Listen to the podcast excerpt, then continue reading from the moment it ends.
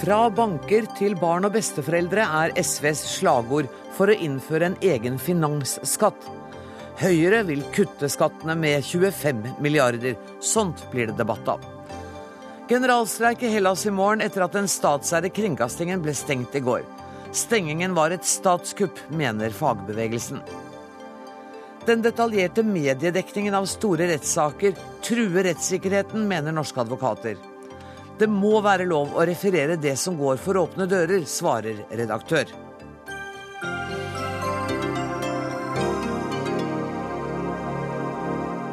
Dette er sakene i denne onsdagsutgaven av Dagsnytt 18, der vi også skal snakke om den omfattende overvåkingen av sosiale medier.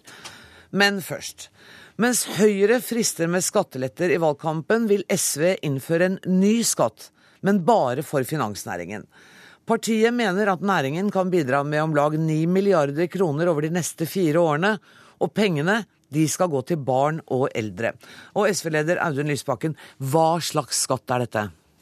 Det er en skatt på banker og andre finansinstitusjoner som er foreslått av en rekke økonomer av finanskriseutvalget som regjeringen satte ned, og som er i tråd med trenden internasjonalt, der finanskrisens lærdom har vært at finanssektoren har fått vokse seg for stor, og at den derfor skal skattlegges hardere. Det vi foreslår, det er å eh, bruke 9 milliarder kroner til en økt finansskatt som skal gå fra banker til barn og besteforeldre, og som er et politisk kinderegg. For vi, vi da samtidig kan løse mange viktige velferdsutfordringer. Vi vil bruke de pengene til å sikre to opptak i barnehagene, flere lærere i skolen og bedre eldreomsorg i hele landet. Dere satser hardt på stemmesanking hos næringslivet, hører jeg?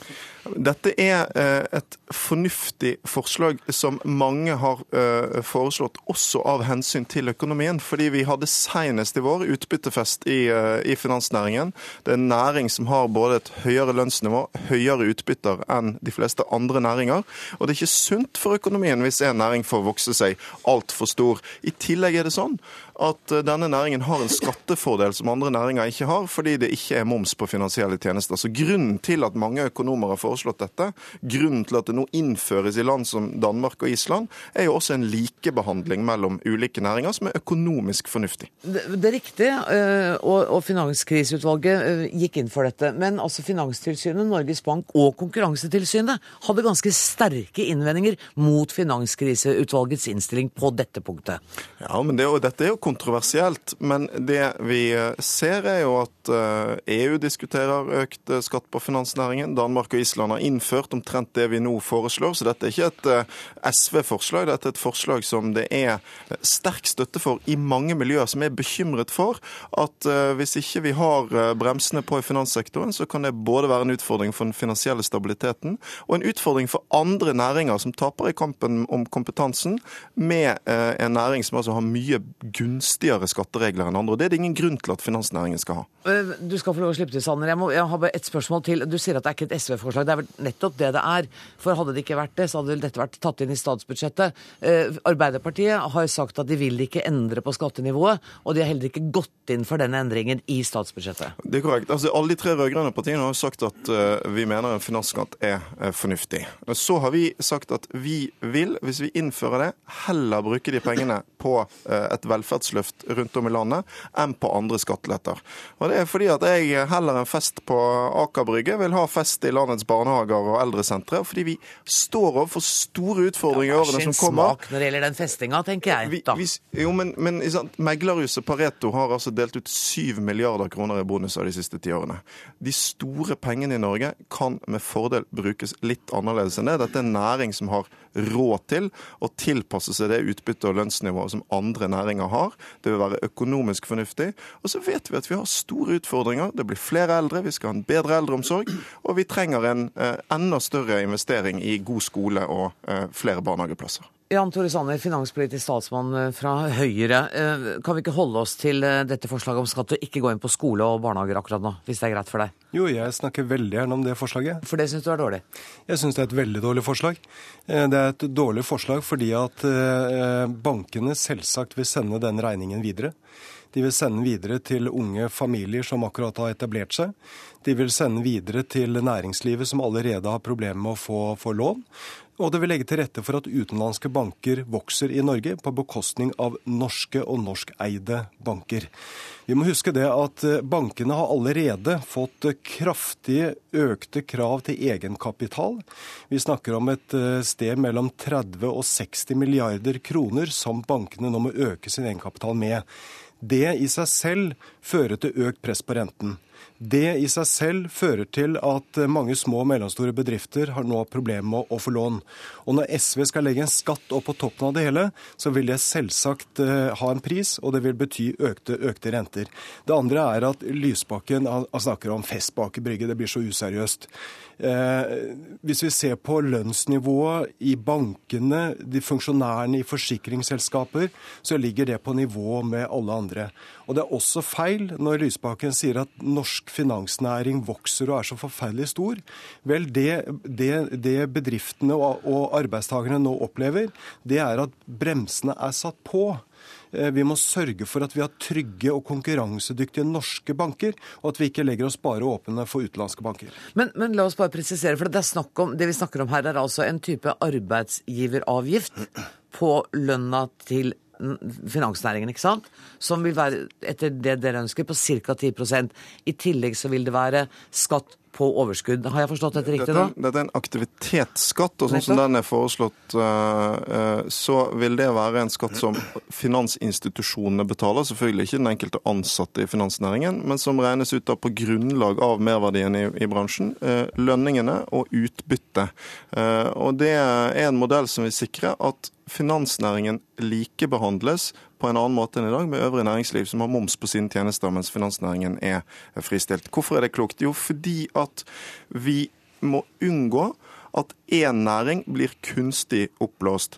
Lærdommen fra finanskriseårene er at det fører til en dårlig forflytning av pengene i samfunnet, for mye spekulasjon, for lite investering i produktivt næringsliv, og f.eks. et utbytte- og bonusnivå som er uakseptabelt høyt og øker forskjellene i samfunnet. Det er rom for å gjøre dette, men, eh, og det er økonomisk fornuftig. grunnen til at man nå øker kravene til egenkapital til bankene, det er jo for å skape trygge banker, og for å unngå at vi igjen kan komme i en finanskrisesituasjon. Eh, Den regninga fikk jo vi. Ja, jo, jo det, ja, det, er klart. Eh, og bankene har holdt igjen på utbytte. Eh, slik at dels kan det gå, gå, over i høyere renter, dels har bankene holdt igjen på utbytte, og dels har man holdt igjen på, på lønnsnivået. Det er også feil når Lysbakken sier at dette er en trend internasjonalt. For det første må man huske på at skattebetalerne i Europa har blitt sittende igjen med regningen for finanskrisen. Det er ikke skjedd i Norge. Derfor skiller vi oss ut. Det andre er at flere EU-land diskuterer det, men det er ikke riktig at de nå gjennomfører det. Danmark har hatt dette i lang tid. Dette er ikke gjennomført som en konsekvens av, av finansnæringen. Og det er også feil når Lysbakken sier at uh, finansnæringen vokser så veldig i Norge. Jeg er faktisk opptatt av at vi skal ha en sterk norsk finansnæring. Vi skal ha sparebankene, vi skal ha DNB, og vi skal ha god konkurranse. Men å legge egne krav på norske og norskeide banker, det vil føre til at de utenlandske bankene får en konkurransefordel. Og jeg er overrasket over at det nettopp er SV som nå legger til rette for utenlandske banker og svekker sparebankene og de norskeide bankene. Det er heller ikke uten grunn at de ansattes organisasjoner har gått kraftig imot dette, for dette vil selvsagt ha en pris. Det står meget godt til i norsk finansnæring. Eh, utbyttefest hadde vi senest denne våren. Eh, avstanden mellom lønnsnivået her og i andre bransjer har økt, så det bildet Jan Tore Sanner tegner er feil. I tillegg er det altså sånn at dette er en skatt som fins i Danmark, den fins på Island. Eh, det er ingenting som tyder på at de landene utsettes for det problemet Sanner beskriver her. Det er heller ingen grunn til at dette skulle være en regning som veltes over på bankkundene. Dette handler om at finansnæringen må tilpasse et utbytte- og lønnsnivå mer likt det andre næringer har.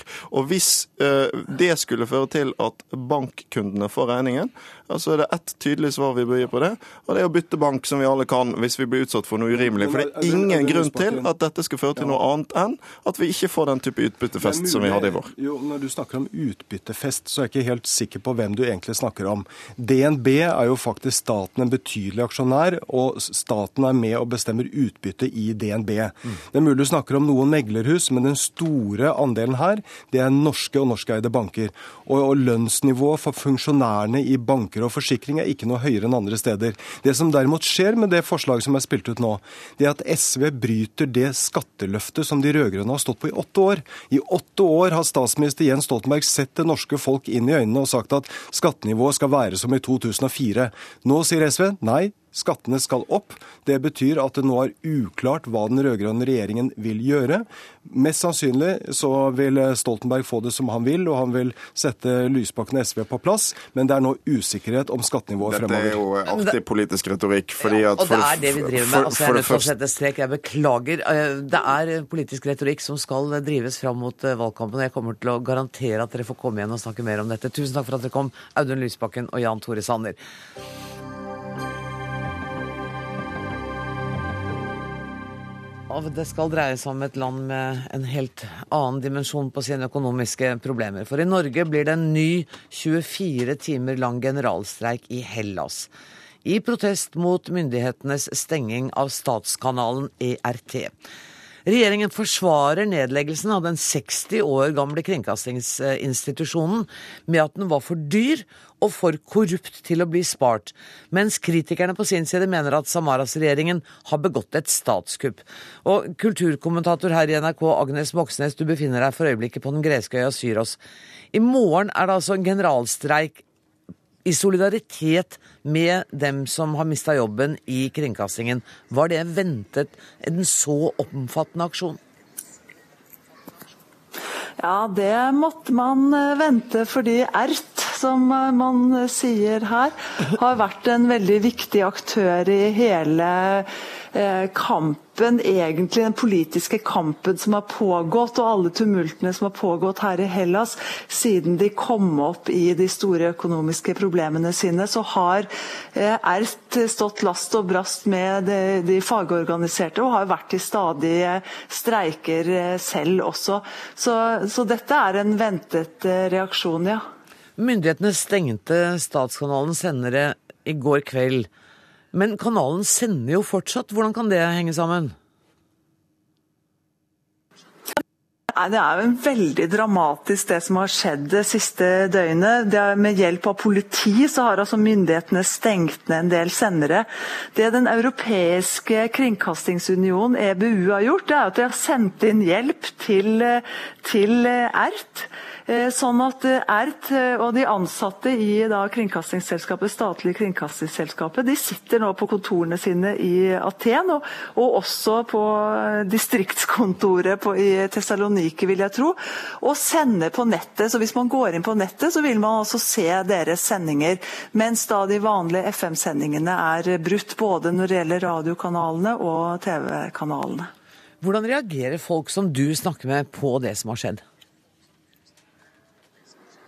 Det er litt forskjellig. Altså, det er jo veldig enkelt å sammenligne NRK og ERT. Det er den samme historien. De ble, altså da, vi, da, da kringkastingsmonopolet ble oppløst i, på 80-tallet i Norge, så ble det samme skjedde i, i Hellas på slutten av 80-tallet. Men, men der, derfra så skiller Norge og Hellas seg ganske klart. fordi at mens NRK har klart å beholde posisjonen sin, så har ikke ERT gjort det. sånn at det er en ganske ganske svekket radio- og TV-stasjon. Eh, og jeg tror nok at når statsminister Samaras har gikk til det drastiske og egentlig litt sånn soloutspillet sitt i går, med, med komme med denne sjokkmeldingen at man skulle legge ned ERT, eh, så var det basert på én ting, at han skulle gjøre pengeunionen og EU glad og tilfredsstille dem med å si opp masse folk i staten.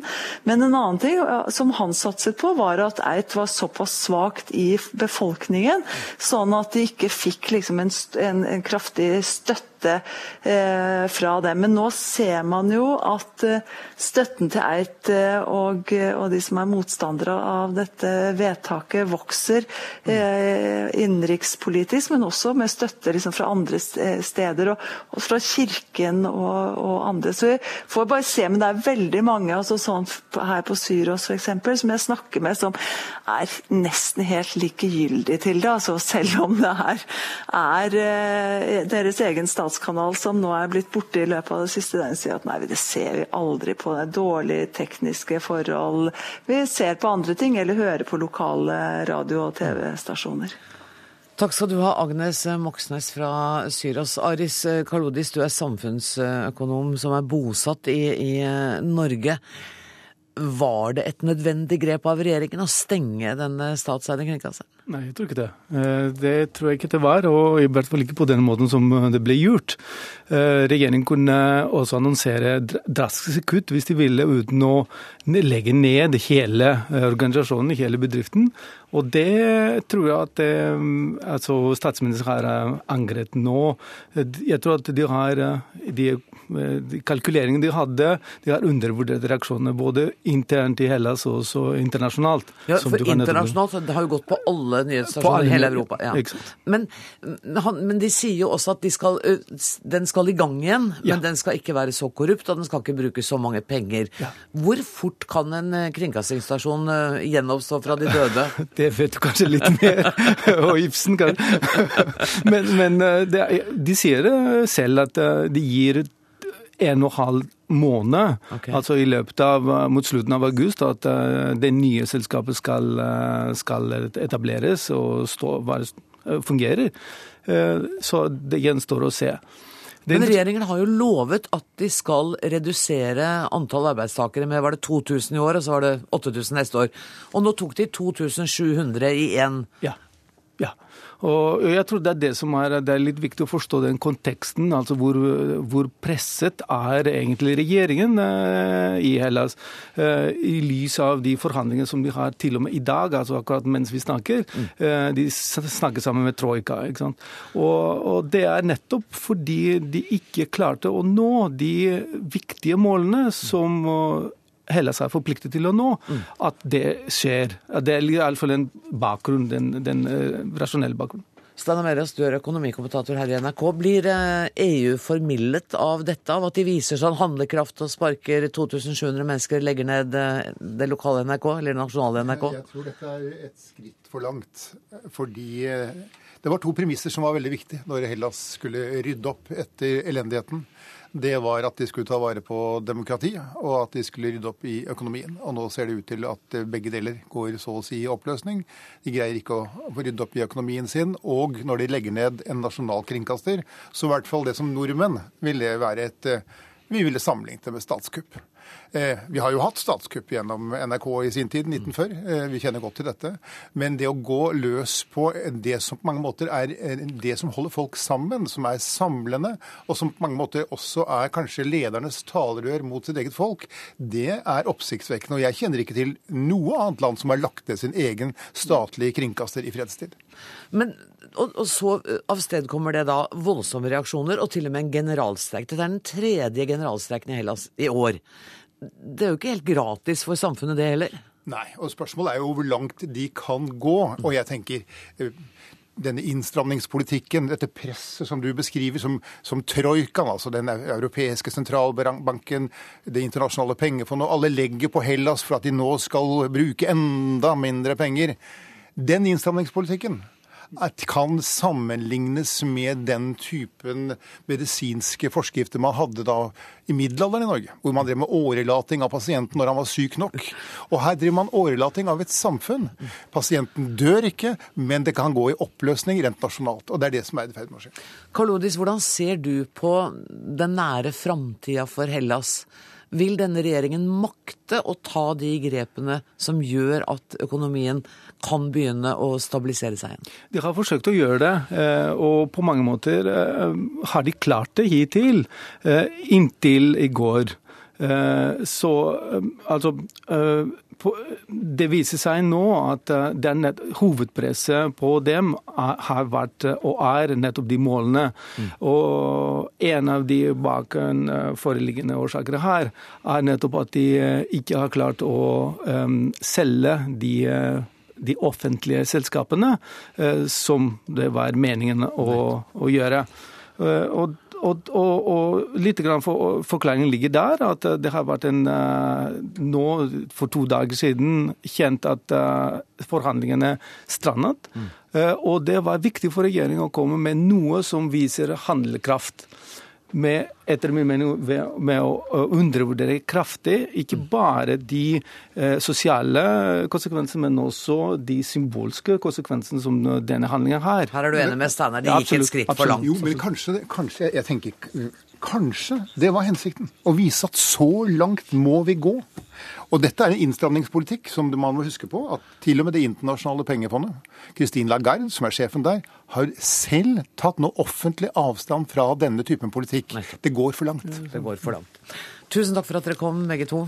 Steinar Medios eh, og Aris Kalodis. Hør Dagsnytt 18 når du vil, på nettradio eller som podkast. nrk.no – dagsnytt 18.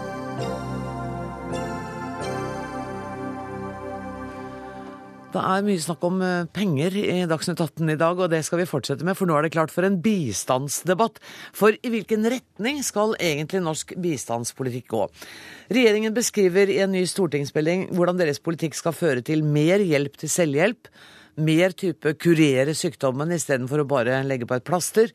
Men regjeringen styrer bistandspolitikken i helt feil retning. Det mener du, Petter Gitmark fra Høyre. Hvorfor det? Nei, det, det, gjør jeg ikke. Jeg mener ikke at det er helt feil retning. Jeg mener at eh, for det første at vi har et for sterkt fokus på bistandspolitikk, der vi burde diskutert mer, var utviklingspolitikk. I utviklingspolitikken er bistand en liten, men viktig del. Men det inkluderer også handel.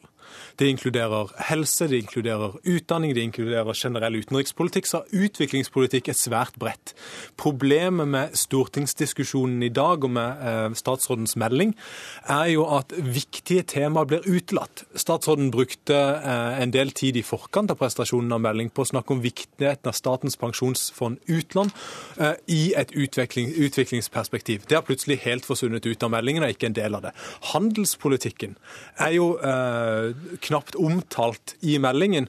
Og handelspolitikk og investeringer i forhold til fordeling, som meldingen i stor grad handler om, er fullstendig utelatt. Så det er viktige temaer som gjør at vi begrenser oss mer enn det vi burde, og vi ender opp i større grad med bistand når vi skulle ha diskutert utvikling.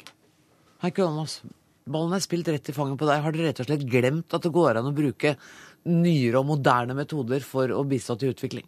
Tvert imot, det er det vi gjør. Og det vi gjør er å ta et oppgjør med høyresiden sin eh, tankegang om at bare du får vekst, så vil det automatisk bidra til å avskaffe fattigdom. For det er feil, og det er grundig slått fast bl.a. av nobelprisvinner Joe Stiglitz, som, sier, som, kaller det det klareste nonsens. Fordi vi har opplevd en stor eh, vekst i veldig mange utviklingsland. Og det vi gjør med stortingsmeldingen, og som mange kaller et paradigmeskifte, det er å si veldig klart ifra at vi trenger mer fordelingspolitikk. Og jeg er ikke, jeg er ikke overrasket over at Høyre reagerer på det. For jeg har aldri hørt Høyre ta til orde for mer rettferdig fordeling i Norge. Aldri hørt de ta til orde for mer rettferdig fordeling i verden. Tvert imot, de kutter i bistandsbudsjettene i sine alternative budsjetter, og de har aldri vært noen pådrivere for f.eks. fagforeningsorganisering. Men Jeg hørte Gitmark si at det han var interessert i, var bredere utviklingshjelp. Altså hjelp til utvikling, til skole, til næringsliv. Hørte ikke du det? Eh, jo, men det som, er, det, som er, eh, det som, er, poenget med den meldingen vi har lagt frem i dag, det er å se på akkurat det. Veldig mange land har i dag en stor økonomisk utvikling. Likevel så advarer FN mot at du ikke har en utvikling i bekjempelsen av fattigdom i mange land, fordi at du har veldig urettferdig fordeling. Er det der det forskjellen mellom dere ligger? At dere mener at vi bare, eller du mener at vi bare skal hjelpe de aller fattigste landene, og ikke mellominntektslandene? Ja, Det er vi jo i stor grad enige om at det er viktigst å hjelpe de fattigste landene. Men vi skal også ha bistand som går, og ulike støtteordninger som går til mellominntektsland. Men det er ikke det som er hovedprinsippet i norsk bistandspolitikk. Det er en del av utviklingspolitikken, hvor handelspolitikken kanskje er noe av det viktigste. Og ikke minst et ønske om å bistå i forhold til menneskerettighet og demokrati. Men statsråden tar fullstendig feil når han sier at Høyre ikke er opptatt av fordeling. Vi har jo vært veldig tydelige. jeg vil si eksemplariske på at økonomisk vekst sammen med fordeling bidrar faktisk til høyere vekst. Og vekst kombinert med handel bidrar til sysselsetting. Og sysselsetting, akkurat samme som vi har det i den norske debatten, er det viktigste virkemidlet en har for at mennesker skal kunne arbeide seg ut av fattigdommen. Hadde jeg ikke visst bedre, ville jeg sagt du var en SV-er. Ja, men det er jeg ikke. Fordi jeg skjønner ikke helt hvor skillelinjene går. Dette er vi i stor grad enige om, men problemet er jo at statsråden låser seg fast i altfor stor grad i bistanden og glemmer en del av de andre temaene. Og ikke minst mener jeg statsråden er svak når det gjelder næringsutvikling og ønsker om å bistå i forhold til å bygge en større økonomi. Og dette med nærmest lulle seg inn i troen på at bare man deler nok, så skaper man verdier, det er feil. Men en kan skape og fordele for å få enda mer. Og det er kanskje det største retoriske skillet mellom oss. Nei, Jeg er helt uenig med deg, Peter Gitmark. fordi at Vi har vist veldig tydelig at vi ønsker mer investeringer i utviklingsland. Vi har bl.a. tredoblet investeringene våre gjennom det utviklingsfondet som er forvalter, som heter Norfund. Men det holder ikke med investeringer hvis du ikke har fordeling. Jeg kommer akkurat tilbake igjen fra Bangladesh. Det hjelper lite med investeringer i bedrifter der hvis du ikke samtidig sørger for å organisere folk sånn at de har muligheten til å si fra når arbeidsgiverne tvinger de til å gå inn igjen på usikre arbeidsplasser. Det hjelper lite med investeringer hvis du ikke har muligheten til å organisere deg for å sørge for å kreve høyere lønninger, kreve den rettmessige andelen av verdiskapningen som faktisk skjer. Og det er det vi gjør. Vi støtter ILO f.eks., som er fagorganisering og arbeidstakerne og arbeidsgiverne under FN som i fellesskap arbeider for et mer anstendig arbeidsliv. Dette er vi for, og dette er en av de tingene som Peter Gitmark og Høyre konstant har argumentert imot. Og det er dere imot. SV har helt rett, og statsråden har helt rett at vi er svært kritiske til ILO som organisasjon. ILO ble jo slått fast både av det norske utenriksdepartementet, av Storbritannia og Danmark, med en rekke andre, er usedvanlig ineffektivt. Og det å kanalisere mer penger gjennom ILO er å sløse bort pengene. Men vi støtter prinsippet knyttet til ILO, og vi ønsker å være en sterk stemme i ILO. Men den stemmen skal også bidra til større effektivitet internt i organisasjonen. Så mener jeg at statsråden når han snakker da om næringsutvikling, trekker frem Norfund. Norfund er det tverrpolitisk enighet om, og det har vært et ønske nærmest kontinuerlig om å bygge opp en større kapitalbuffer og et større fond knyttet til Norfund.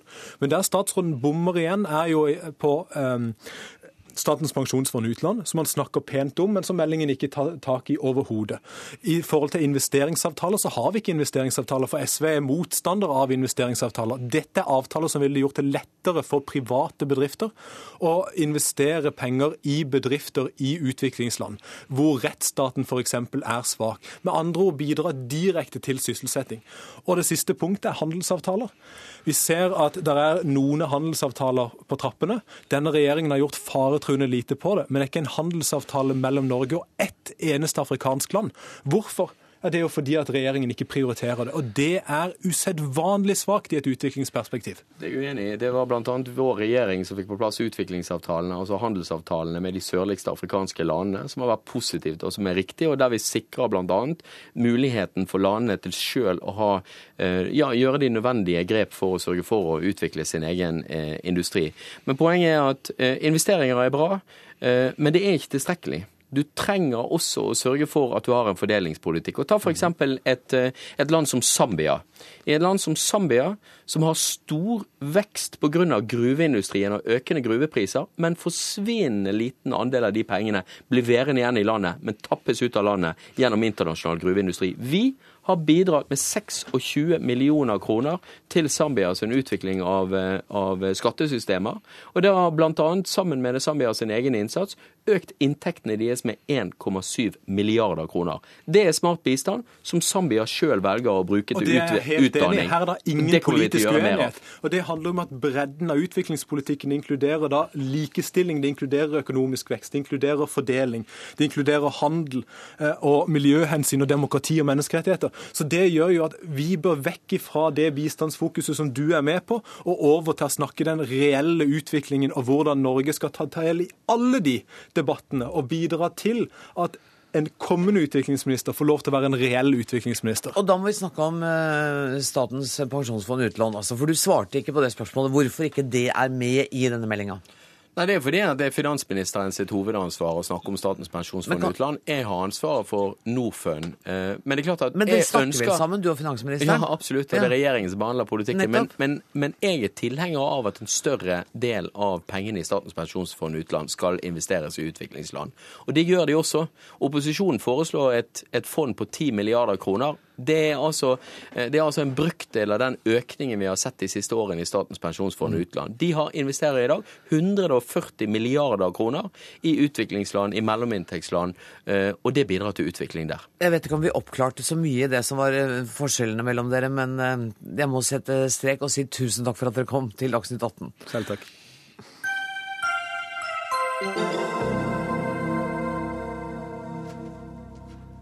Den tyrkiske statsministeren varslet i dag at han skulle ha et møte med demonstrantene som har uh, okkupert uh, Gezi-plassen i Istanbul i snart to uker. Og så var det lenge tvil om president Erdogan kom til å innfri demonstrantenes krav om et sånt møte. Men de siste nyhetene er altså at møtet skal ha funnet sted, eller hva, utenriksmedarbeider Sissel Wold, du sitter og følger med på dette her? Ja, jeg tror de fremdeles er i møte. Og det er elleve representanter som er plukket ut av Erdogan, eller Erdogans kontor, som er da fra representanter for, eh, for, demonstrantene. Men så er det en organisasjon som heter Taksim Solidarity Organization. altså Det er en slags paraplyorganisasjon som da sier at de eh, representerer eh, demonstrantene. Det er ganske så, kaotisk, ja, dette bildet nå, altså. Så de er veldig sure. De sier at vi er ikke blitt spurt om hvem vi vil skal representere oss. Så de er ikke noe begeistret for dette i det hele tatt. Men av disse elleve representantene som er plukket ut, så er det akademikere, arkitekter, hører vi, kunstnere, studenter. Eh, så de sitter også med eh, ledere for AKP-partiet og Erdogan nå. Og bare sånn at ikke, AKP er ikke noe som ligner på det som var i Norge på, på 70-tallet. Um, men, men, vet du noe om kravene, Sissel? Eh, det de har sagt hele tiden, er jo at de vil bli hørt, og de vil bli tatt på alvor. Og at de ikke vil at, eh, at deres leder, Erdogan, skal være en slags eh, sultan. Men min sidekvinne her, ja. hun vet faktisk mer om Hun har lest det tyrkiske aviser og vet mer om de som møter Erdogan nå. Nefise Øskal Lorentsen, du er dokumentarfilmskaper og er fra Tyrkia og bor i Norge. Og, du, og hvordan, aller først, hvordan er det å følge med på det som skjer i hjemlandet ditt nå? Så først og fremst, du ser smilet i ansiktet mitt. Jeg er veldig glad alt, alt som skjer, fordi jeg tenker på endelig. Og, og, det er som uh, for meg er ganske eventyrisk, fordi uh, det er endelig uh, den, den, lille barnet fra H.C. Andersen sin eventyr, 'Keiserens nye klær', har sagt at keiseren har ikke noe på seg. Og det er det demonstrantene som den, den, den nye generasjonen i Tyrkia, og de sier at Erdogan du har ikke gitt til oss hva vi egentlig ønsker. Og så hvis jeg bare tenker på hvorfor akkurat nå de mm. sier det, også som at siden eventyr har liksom syv var en veldig morsomt tall for eventyr, så jeg tenker på at hva er det de vil ha? De vil ha ytringsfriheten sin. De vil ha et sted som de kan uh, samle seg uh, og demonstrere, retten til å demonstrere. Og nummer to, de vil ikke ha uh, moralpoliti. De vil eh, gå ut sammen med sin kjæreste og kysse når de vil, hvor de vil. Og dette er helt sånn, For en nord nordmenn så er det liksom helt uh, uforståelig. Og de vil ha sin seksuell legning. Mm. Uh, og når vi ser, du sikkert du har sett i parken, det er mange uh, uh, gay-organisasjoner er der, sammen med jenter som har sine hijab. Så også Erdogan også prøver å skape en som retorikk at disse demonstrantene er, de er liksom nesten ateistaktige. De er ikke det. De er vanlige folk som har ja, forskjellige eh, som, har, eh, som, har, krav. Men hvor Og, viktig tror du det møtet i dag har vært? Uh, jeg tror ikke dette møtet er veldig altså, Dette er også som at det er, det er en interessant uh, hva, kan, hva, kan, jeg si som oliven for, uh, for media. Mm. Men hva er viktig? At hva egentlig Hvorfor disse ungdommene demonstrerer? Hvorfor plutselig denne folkebevegelsen har begynt? Mm. Og det, det, tenker jeg at Erdogan gav ikke til dem eh, biblioteker, men de, han gav dem moskeer. Mm. Og hvis du tenker på hvor mange biblioteker det finnes i Tyrkia, og det er ca. som eh, jeg har et eller annet tall her. Og det er som 1434 biblioteker i Tyrkia og 82 693 moskeer. Mm. I løpet av siste tiåret Erdogan har laget 7324 moskeer. Mm. Men hvor er bibliotekene? Ja, EU eh, e følger jo nøye med på dette, for Tyrkia har jo vært EU-søker eh, e og er EU-søker. Og i dag så sier den tyske utenriksministeren eh, Westerwelle at de venter spent på hva Erdogan gjør nå. Hvordan han manøvrerer, hvordan han takler denne situasjonen. Westerwelle sier at de forventer at Erdogan trapper ned situasjonen, ned konflikten, og at han får i stand en fredelig og konstruktiv dialog. Og for et par dager siden så sa Erdogan at this Tayyip Erdogan won't change. Jeg kommer ikke til å endre meg. Jeg kommer ikke til å knele foran disse demonstrantene. Så det er jo også veldig interessant hvilket inntrykk han ønsker å gi av sin egen lederstil, av hvordan Tyrkia takler denne litt uhåndbare situasjonen, også i forhold til omverdenen og Europa. Og da skal vi heller ikke kanskje overdrive betydningen av det møtet i dag? Nei, det tror ikke jeg. det er helt enig om. Jeg tror vi må høre hva demonstrantene sier. Tusen takk for at dere kom til Dagsnytt 18. Uh, skal vi Jo. Um, da fikk jeg beskjed om at vi har ikke det neste innslaget. Vi, vi, kan snakke veldig lenge om Tyrkia, kan vi ikke det? Det er ingen grunn til å avslutte her. Uh, for når vi sier at vi ikke skal overdrive betydningen, så var det jeg prøvde litt kort å, å å avbryte med, så er det jo samtidig um, så er det jo et tegn på at han faktisk er villig til å gå i dialog. At han ikke bare blankt avviser et uh, krav om møte. Jeg tror at han må gjøre noe. Ja, Er det pga. EU? Uh, han kan jo ikke ha denne situasjonen. For det Erdogan har vært veldig oppbrakt over eh, de siste dagene, er at eh, Tyrkia ser dårlig ut fra utsiden. Det er kaos. Økonomien Eh, lider av dette. Det er jo en enorm eh, business for Tyrkia å ha turister inn i landet. Mange er redde for å dra dit nå. Og så er han rett og slett redd for å miste ansikt. Jeg tror mm. Erdogan er en veldig stolt mann. Eh, jeg tror ikke han har veldig mye selvironi. Han er veldig stolt. Han vil ikke tape ansikt. Mm. Og han sier det samme som Margaret Thatcher sa, 'the lady is not for turning'. Og det tror jeg ikke han er heller. Da har jeg fått beskjed om at de neste gjestene er klare, så da skal jeg si tusen takk til eh, Nefise Øskal Lorentzen og til Sissel Wold.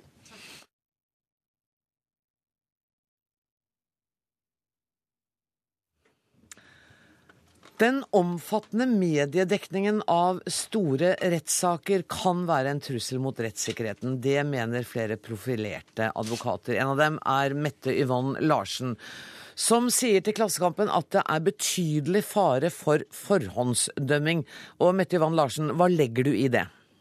Ja, Det jeg legger i det, er jo eh, at når mediene eh, er så aktive i å omtale en rettssak som den vi nettopp har vært igjennom, Øygardssaken, og i tillegg når dekninga er så skjev av ulike for så vidt betimelige grunner, så tenker jeg at uh, mediene påvirker også de, altså folk flest. Sosiale medier det blomstrer på Twitter og på Facebook med synspunkter. Og det er helt umulig å tenke seg at ikke dommere som skal dømme i saken, blir påvirka av det. Men mener du at referatene fra f.eks. Øygard-saken var for detaljerte? Ja, jeg mener at de var for detaljert, og at de var veldig skeive fordi fornærmede var under 18 år. Så det var mange ting som kom fram i retten som ikke ble referert. Og jeg mener at de var for detaljert, og det var også for mye kommentatorvelde som nærmest konkluderte med Blant annet hadde vi en kommentator som konkluderte med at Rune Øygard ikke var troverdig etter seks dager i, i, retten i første runde. Og Det er klart at sånn påvirker folket, og det påvirker også dommerne. Du, Vi skal ta eh, kommentarsiden litt senere, men aller først har jeg lyst til å gå til Stein Bjøntegård, som er nyhetsredaktør her i NRK. Er det en fare for at vår dekning av en sånn sak kan bli for omfattende og detaljrik? Altså det, det, er noen eh, prinsipper i bånn her. Det ene er offentligheten i rettsvesenet, som er et prinsipp som er slått fast. Når det er åpne dører i en rettssak, så er det eh, i prinsippet åpent. Dvs. Si at vi kan referere. Og det kan ikke være noe galt i det eh, i forhold til folk flest, som da får en mulighet til selv å gjøre seg opp en mening eh, av saken, og gi, at det rett og slett kan gi en økt forståelse av saken. Så baserer vi oss på det vanlige etiske regel, eh, regelverket som vi har. Dvs. Si at vi refererer ikke alt. Det går på forhold til offer, men det går også på forholdet til tiltalte. Og det går på detaljer i saken som er uvedkommende, mer eller mindre, for, for skyldspørsmålene. Men kan det også hende at har vært, dekningen har vært skeiv, sånn som Mette Ivan Larsen sier? Altså i favør av offeret? Jeg vet ikke hva hun sikter til. Jeg vil bare snakke på vegne av det NRK har gjort, og det mener jeg at ikke har vært. Mette Johan Larsen. Jeg har jo til gode å høre en eneste redaktør og en eneste journalist åpne for muligheten for at det de bidrar eh, med, er, eh, er, kan være en fare. Og I denne saken her så så vi et detaljnivå som først og fremst førte til en moralsk forargelse og en moralsk panikk. Eh, detaljene var knytta til forhold som Rune Øygard ikke var tiltalt for. Eh, og folk eh, blir på en måte påvirka av det. Både leseren, de andre og media sjøl blir påvirka. Og at ikke det skal være en fare for at folk oppfatter at det som er moralsk forkastelig, også er straffbart. Jeg tenker at det er en fare. Men jeg har enda, ikke, jeg har enda til gode å høre noen innrømme at ja, dette kan vi være med å bidra til. Men, men har du en løsning på hvordan, hvordan man skal unngå den situasjonen som du mener er farlig, da? Ja, jeg har eh, for det første tenker jeg at vi må litt mer tilbake til litt mer sånn nøytrale, nøkterne rettsreferater. Eh, uten den detaljeringsgraden. Hvis vi ser en del av nettmediene, så hadde jo de en linje hvordan eh, saken ble kommentert på sosiale medier samtidig. Så at folk kunne sitte og følge med på flere nivåer hvem som mente hva. og Det ble nærmest sånne terningkast til vitnene. og sånn. Så jeg tenker at eh, Å dempe litt mer, og kanskje mindre skjevt, men mer sånn nøytralt og nøkternt, det hadde jeg ønska. Fordi at det totale trøkket NRK gjør sitt, Aftenposten gjør sitt, VG gjør sitt og Dagbladet gjør sitt, men det totale trøkket er det faktisk ingen av dem som tenker på eller reflekterer over. Bentegård. Jeg har ikke sagt at det ikke er en fare for overdekning. Jeg har bare snakket for NRK, på NRKs vegne og mener at vi ikke gjorde det. Det totale, Det kan ikke sitte en dommer der ute og si at nå er pressen totalt sett for, for omfattende, så noen av dere må, må skru av på trykket. Nei, det er vanskelig å tenke seg. Diskutere, og så må ja, Vi diskuterer det faktisk. Ja, men jeg får ikke med meg at, man selv, at på en måte pressen sjøl er enig med hverandre at OK, kanskje vi skal roe oss ned. Tvert imot imot så er det jo en spiral. Hvis noen får en sak, så skal de andre ha en sak osv. Og, og, og pressen er jo i liten grad opptatt av å på en måte kritisere hverandre eller kanskje si at nå ble det for mye. Det er jo en sånn samla ulveflokk på en måte. Altså jeg mener at Når vi nå snakker om omfang av, eh, og særlig referatene fra, som da eh, nettet bruker, så mener jeg at vi eh, er godt innenfor det rettspleien i Norge mener er riktig ved offentlighet. Og så kan dommere eh, justere det ved å gi referatforbud, hvis det er snakk om det. Advokat Frode Sulland, du er langt på vei enig med Mette Yvonne Larsen, men du har eh, fokusert særlig på eh, kommentatorene og kommentariatet. Eh, hva har din eh, hovedinnvending vært? Jeg kan vel kanskje bare først tilføye til eh, det som nå er blitt sagt, at en særlig fare knyttet til eh, disse detaljene er jo at eh, lovens forbud mot at vitner ikke skal overhøre andres forklaringer før de selv møter, blir uthulet gjennom dette. Man kan sitte og følge nøye med, eh, selv om man altså ikke er til stede i rettssalen. Og det er et, et problem som på en måte er i motsetning til det lovgiver har ønsket.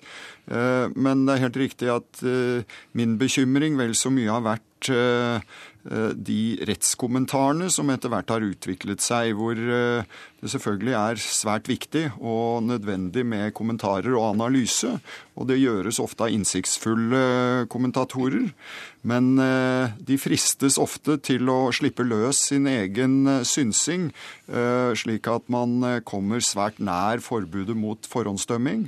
Og jeg syns man her er for lite reflektert i forhold til den betydning dette kan ha for også aktørene i domstolen. Mm. Man eh, har unnskyldt seg, har jeg sett med at uh, dommerne leser vel ikke dette. Men jeg syns jo det er en litt uh, dårlig unnskyldning. Hanne Skartveit, politisk redaktør i VG. Din kommentar til at det har vært mye synsing i kommentararbeidene?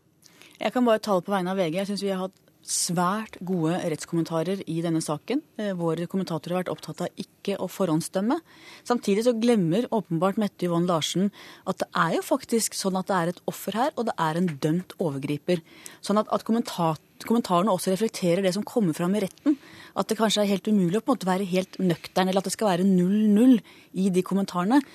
ja, etter at dom er falt, ja. Men ja. de kommentarene begynte jo mye tidligere. Ja, men da skrev man om f.eks. Skype, uh, disse Skype-loggene. Våre kommentatorer var veldig opptatt av da ikke ikke si at det er ikke skyldspørsmålet vi her berører, men dette er det disse Skype-loggene forteller, f.eks. For eksempel. og når det gjelder om vitner og jurymedlemmer osv. blir påvirket Dette er jo ikke noen ny problemstilling. Du har alltid hatt rettsreferater.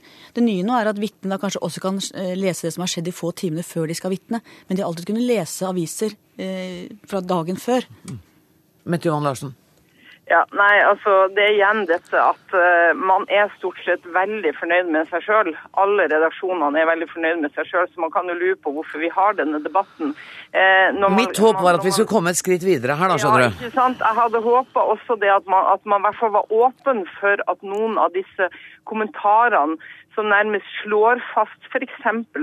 manglende troverdighet, eller at kommentaren, som vi også leser ofte i VG, gir, kommentatoren gir uttrykk for sine egne følelser rundt det som kommer fram. At ikke det bidrar til å påvirke folk flest, og også de som skal dømme i saken.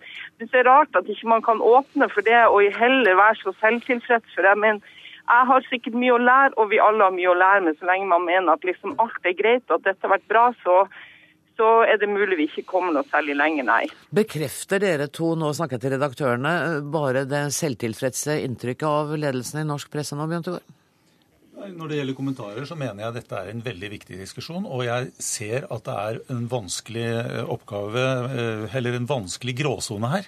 Fordi at jeg er helt enig med Mette Johan Larsen i at man skal på en måte ikke avgjøre skyldspørsmålet etter dag én eller dag seks eller hva det nå er, hvis det er en lang sak. Og heller ikke la følelsene vår... av med seg nei, som kommentator. Nei, det mener jeg helt klart at vi ikke skal. Eh, det er ikke vår jobb. Eh, vi må analysere og eh, kunne si hva ett vitne har sagt i forhold til det et annet vitne sier, men samtidig da la være å bedømme hva som er eh, troverdigheten i de ulike versjonene. Eh, så går det jo litt inn i grensen når du begynner å analysere eh, håper å si, har vedkommende svekket sin troverdighet eller ikke. Og Her er det en vanskelig diskusjon som jeg mener er viktig å ha. Så, så, jeg er ikke sånn at vi på en måte lukker døra for at dette er en eh, viktig diskusjon. Jeg syns det er en viktig diskusjon. Men vi må heller ikke glemme i dette at vi lever i et mediasamfunn eh, og hvor offentligheten hele tiden får informasjon. Og tro at man kan lukke den døra uten jeg håper å si at dommeren gjør det, det, det nytter ikke. Uh. Det er jo ikke tvil om at det er eh, dilemmaer her. Men det også Mette Yvonne Larsen skal huske, er at det var jo den andre instans, lagmannsretten, så så de jo bort fra noen av punktene som han ble dømt for i den første runden.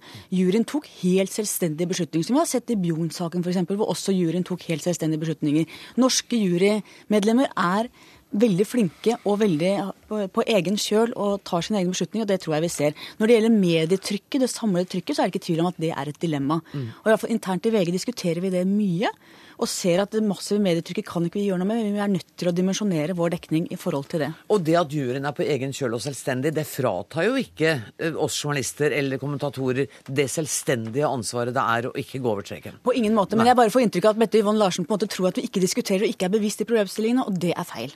Uh, Nei, det var måten du åpna på som ja. gjorde at jeg ble i tvil om det, men OK, jeg hører det. Ja, flott. Men, ja, man kan jo også spørre seg om, om det er så å si på tross av den mediedekningen at det likevel blir slike juryavgjørelser. Og det kan jo ikke være noen, noen fortrøstning for mediene, verken i forhold til Bjugn-saken eller i forhold til Øygard-saken. Men min agenda her er, er langt mer generell enn Øygard-saken, og berører egentlig like mye de sakene hvor det er få medier til stede, men hvor det er noen kommentatorer som da på en måte gir verden Eh, forklaringen, som er eh, forvalter sannheten i de sakene. Når man har det store og brede bildet, så kommer det tross alt veldig mange stemmer og kan være med på å gi leseren en mulighet for å bedømme selv.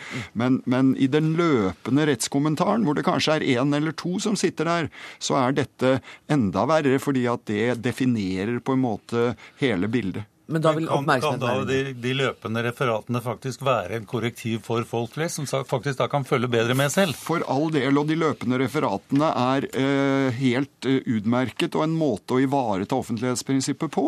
Problemet er når de går over til å bli kommentarer som trekker disse konklusjonene, som Bjøntegård selv på en utmerket måte beskrev er et dilemma og et problem. Uh, Skartveit, eh, i morgen eh, kan det, eller ikke kan, komme eh, en eh, anke eh, i Øygardssaken. Kanskje kommer den opp igjen. Vil dere gå tilbake og revurdere noe av det dere har gjort, og kanskje endre kursen noe? På bakgrunn av de erfaringene dere har gjort? Jeg må si at De kommentatorene vi har hatt, Jorunn Støran og Anders Giæver, syns jeg har gjort den jobben på en utmerket måte. Eh, Jeg kan ikke si om vi kommer til å fortsette å ha de, det blir også et spørsmål om ressurser. Mm. Men jeg syns at vår kommentatorvirksomhet har vært veldig god i denne saken. Men vil det være like omfattende ved en eventuell ankesak, Bjørn Bjørntegård? Det blir jo en helt annen sak, eventuelt hvis det blir en ankesak. Eh, Så da må vi vurdere det når den kommer. Men tar dere nå med dere noe av den kritikken dere har fått nå fra uh, Sulland og Larsen når det gjelder vår dekning av dette?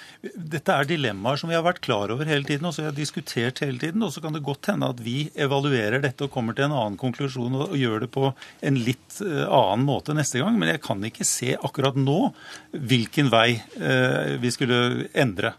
Litt mer optimist nå, Mette Yvonne Larsen? Ja, jeg vil gjerne komme Jo da, absolutt. Jeg er alltid optimist. Men jeg vil gjerne komme med et dilemma til i ett sekund, hvis jeg har tid til det. Og det er jo det at den massive dekninga og alle de detaljene og den moralske fordømmelsen, den fører jo til en storm av hat og harselering på sosiale medier som er fullstendig uakseptabel. Hvor, hvor på en måte dette ekkokammeret kommer og kaster seg på, og hvor media bidrar også til en voldsom eh, oppblomstring av hat og harselering som treffer både forsvarer og tiltalt og hele familie og alle rundt. Dette syns jeg også dere må debattere. Det skal vi gjøre, vet du hva. Med Mm. Mette Ivan Larsen, det skal vi eh, gjøre, men eh, det blir en litt annen debatt. Og akkurat nå er tida vår ute, men du skal ha hjertelig takk for at du var med. Takk også til Frode Sulland, Hanne Skartveit og Stein Bjøntegård. Thank you. Debatten har rast etter at varsleren Edward Snowden avslørte at amerikanske myndigheter nærmest har fri tilgang på brukerinformasjonen til nettgiganter som Facebook og Google.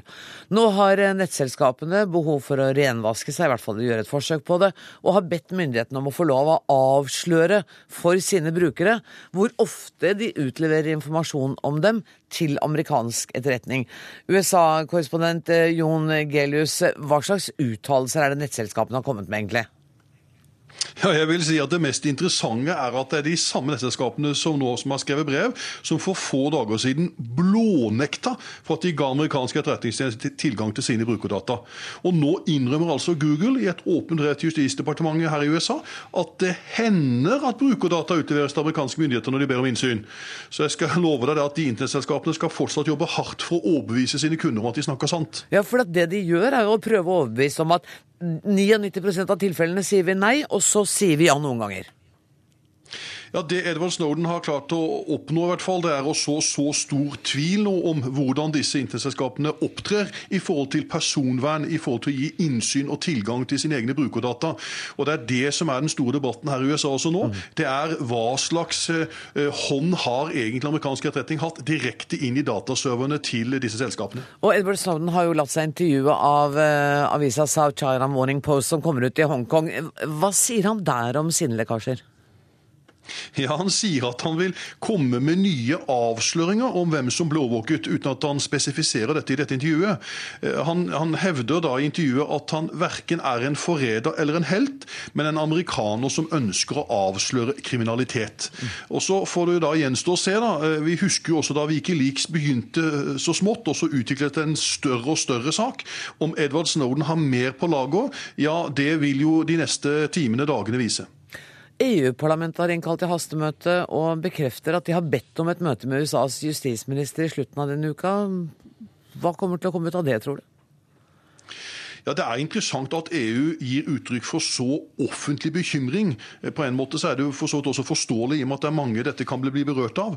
Men de har altså i et brev til USAs justisminister bedt om svar på sju konkrete spørsmål om dette avslørte overvåkingsprogrammet, og de ber altså bl.a. på svar om europeiske borgere tatt var mål for den retningen. Mm. Og de lar det jo også skinne gjennom at de frykter at den åpningen bryter med fundamentale borgerretter for EU-borgere. Eh, nå skal altså justisminister Erik Holder møte EUs justiskommissær på fredag, og da må han ha gode svar på spørsmålene for å hindre at denne overvåkingssaken skal forsure det transatlantiske samarbeidet. Leder ved Senter for internasjonal og strategisk analyse, Helge Lurås. Saken blir omtalt som en overvåkingsskandale. Var du overrasket? Nei, Nå er det ikke helt klart hva omfanget er av den tilgangen amerikanske myndigheter har på disse serverne. Eh, men eh, hvis det er sånn at de har mer eller mindre en blanko-tilgang til viktige eh, servere som brukes av store deler av egentlig menneskeheten nå, så vil vel for så vidt det overraske meg. Hvis det, man... det er sånn at en norsk kjent advokat er blitt overvåket av amerikansk etterretning på sin lukkede Facebook-dialog med en klient, så kan vi vel anta at omfanget er relativt stort? Ja, ikke, kanskje ikke i seg selv, fordi at uh, amerikanske myndigheter kan jo først og fremst ha overvåket klienten, og, og sånn sett kommet da over elden fordi han har vært, uh, vært uh, hva skal jeg si, hatt en dialog med det som allerede er en kjent terrorist. Det er jo det amerikanske myndigheter har sagt en god stund, at ja, de overvåker disse mediene for å, å luke tak i, i, terrorister. Men spørsmålet nå, kanskje i forhold til disse lekkasjene fra Snowden, er jo hvor bredt denne informasjonsinnhentingen fra amerikanske myndigheter er generelt. Altså at de samler inn en rekke informasjoner og data som da simpelthen blir liggende, som i utgangspunktet ikke har noe med terrorisme å gjøre i det hele tatt, men som de kan hente fram ved en seinere anledning. Er det bekymringsfullt? Ja, altså det er definitivt bekymringsfullt uh, for de som da muligens uh, advokat Elden må komme uforvarende på radaren til amerikanske myndigheter og få f.eks. da i dette tilfellet ikke muligheten til å få innreise til USA. Altså USA er et viktig land sånn sett. Men, det, men det, kan Norge akseptere at USA, enten det er tilsiktet eller ikke, overvåker norske eh, statsborgere, og, og, og, det får den type konsekvenser. Er det akseptabelt? Vel akseptabelt. Det er fint lite norske og andre myndigheter strengt tatt kan gjøre med det. Og Debatten i USA går jo også på overvåkningen av amerikanske borgere. og Man er jo, eh, hva skal jeg si, man har ingen bekymring for den overvåkningen som skjer mot utenlandske borgere. Men det er også karakteren av etterretningsvirksomhet. altså Beskyttelsen gjelder egne borgere. I tidligere tider, før internett, så kunne være rimelig trygg på at uh, egne myndigheter hadde kontroll i eget land, sånn at uh, i den grad det var telefonavlytting og, andre ting, så var det skjedd av egne lands myndigheter. Nå kommuniserer vi altså på plattformer som i utgangspunktet går globalt, og da, mm. kan, og da mister vi den beskyttelsen. og Det gjør jo at egne lokale myndigheter, og nasjonale myndigheter, på mange måter blir maktesløse. Og det finnes heller ikke noen regler mm, sånn sett i USA eller egentlig noe annet land på at man ikke kan avlytte andre lands borgere. Så dette er en ny situasjon, og det vil ytterligere da styrke situasjonen til de som har teknologisk overlegenhet, i dette tilfellet USA. Vil denne antatte omfattende avlyttingen virkelig gjøre det lettere å finne terrorister? Er, er overvåkingen så omfattende at nå har de et redskap? Ja, altså Jeg vil ikke utelukke at ja, dette faktisk ja, i, enkelte tilfeller vil kunne forhindre terrorisme. Men det, foreløpig så er det nok kanskje først og fremst det at det blir lettere å nøste opp i det i, i ettertid, og da finne nettverkene rundt. Men altså i kombinasjon med en del annen teknologi som vi får nå, altså inkludert droner, så kan dette utvikle seg i løpet av de neste tiårene til noe ganske annet enn det vi ser bare konturene av i dag. Jon Gelius, er du fortsatt med oss? Absolutt. Eh, for jeg tenker på, eh, Hva har dette å si politisk for president Obama? Ja, det kan, Dette er jo hans mest alvorlige personvernsak noensinne. og det er klart at Kritikken mot Obama har også økt de siste dagene. Men han har jo et lite skjold, for å bruke sånt begrep, eh, fordi at dette overvåkingsprogrammet ble jo godkjent i Kongressen eh, rundt juletider av altså både demokratiske og republikanske partifeller. Slik at det er jo eh, derfor få som på en måte går inn i den store politiske debatten om overvåking generelt. Mm. De er mer opptatt av å få tak i 29-åringen. Mm, Nå er det kommet to sivile sivile søksmål mot amerikanske myndigheter. Ett fra et par som heves overvåket, og ett fra en organisasjon som, som, som var kunde hos Verizon. Men for at de skal kunne nå fram med sine søksmål, så må de altså bevise hvordan en slik overvåking eventuelt har skadet saksøkerne. Og det mener juridiske eksperter blir særdeles vanskelig, for ikke så umulig å kunne dokumentere. Tusen takk skal du ha, Jon Gelius. Takk også til eh, Helge Lurås. Eh, det er helt sikkert ikke siste gang vi snakker om eh, overvåking av sosiale medier i, fra dette studio, men i dag nærmer det seg slutten. Ansvarlig for Dagsnytt 18 i dag var Dag Dørum. Det tekniske ansvaret har Hilde Tosterud, og jeg heter Anne Grosvold. Takk for nå.